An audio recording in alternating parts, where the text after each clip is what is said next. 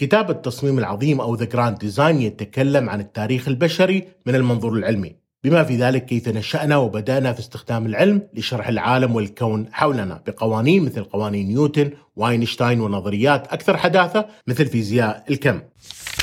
من الرائع أن نفكر في الخطوات التي خطتها البشرية في الآلاف السنين القليلة الماضية. إذا سألت شخص في عام ألف قبل الميلاد كيف تكونت الأرض والنجوم فأغلبهم سيخبرونك بأنه عمل الإله. الواضح أنه ليس لدينا فكرة واضحة عن كيف تشكل الكون منذ بلايين السنين ولكن لدينا تخمين جيد عن كيف سينتهي هذا الكون نحن لا نفهم فقط كيف نشأ عالمنا، لكن يمكننا أيضا تفسير الظواهر التي تحيط بنا على الأرض وفي السماء. أفضل جزء هو أننا نتعلم المزيد كل يوم، وهذا ما يذكره ستيفن هوكينج وليونارد ميلودينو في كتابهم The Grand Design. في الكتاب يذكر هوكينج قصة اكتشاف العلم لأكبر ألغاز الكون. هناك ثلاث محاور رئيسية سنسلط الضوء عليها في تلخيص هذا الكتاب.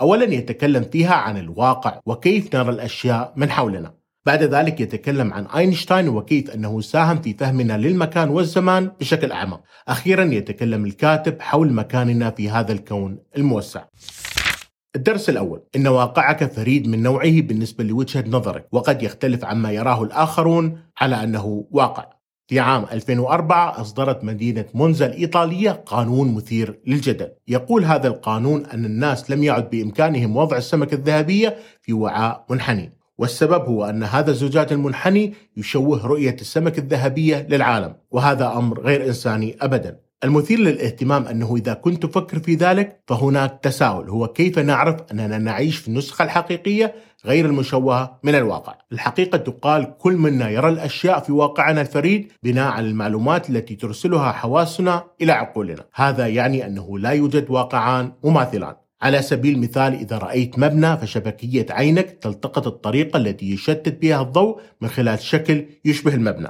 ويمنحك عقلك الصورة الذهنية للمبنى.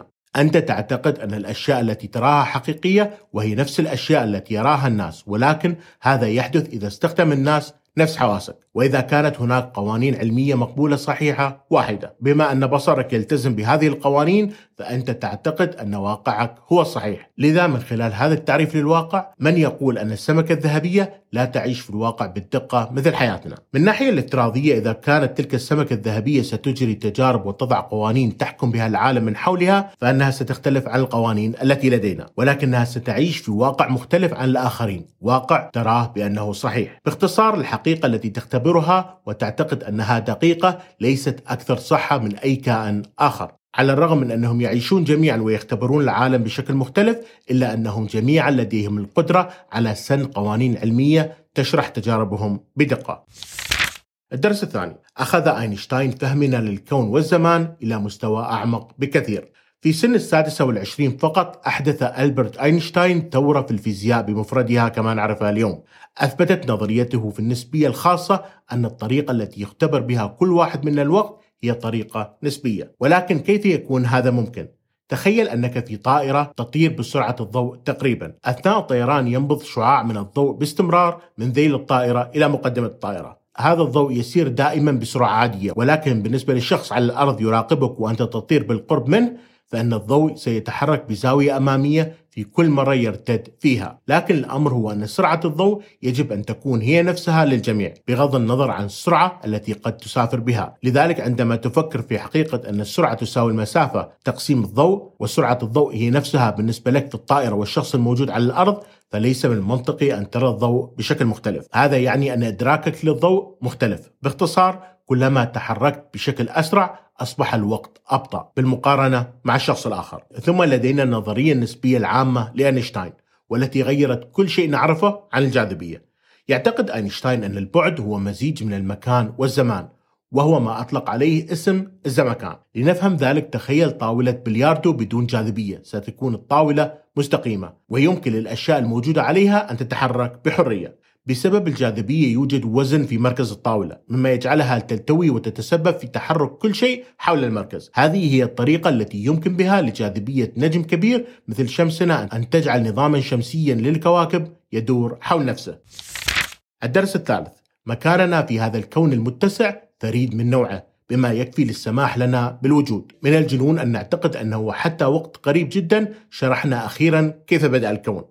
لم نحصل فقط على فكرة جيدة كيف وأين بدأ ولكننا نعلم الآن أيضا أنها لا تزال تتوسع.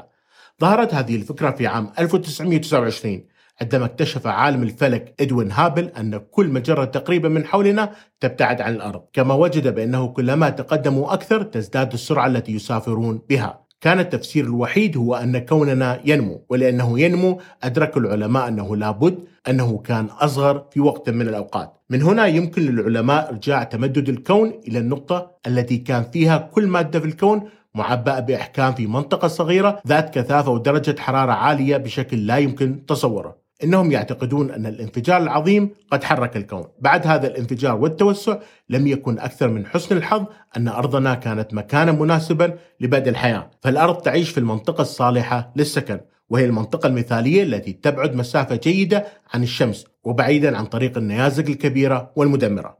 هذه المسافة المثالية من الشمس ليست قريبة جدا أو بعيدة جدا، كما أنه يضمن عدم غليان معظم المياه في كوكبنا أو تجمدها. طبعا نفسر نحن هذا الأمر بأنه إعجاز إلهي، ولكن كتاب الكتاب يصفون هذا الأمر بالصدفة، وهو أمر يعتقده بعض علماء الفلك والفيزياء. وبهذا انتهت حلقة اليوم من ورق كاست. ادعم محتوى ورق كاست الصوتي من خلال الاشتراك وال review، ونلتقي في الحلقة المقبلة من ورق كاست.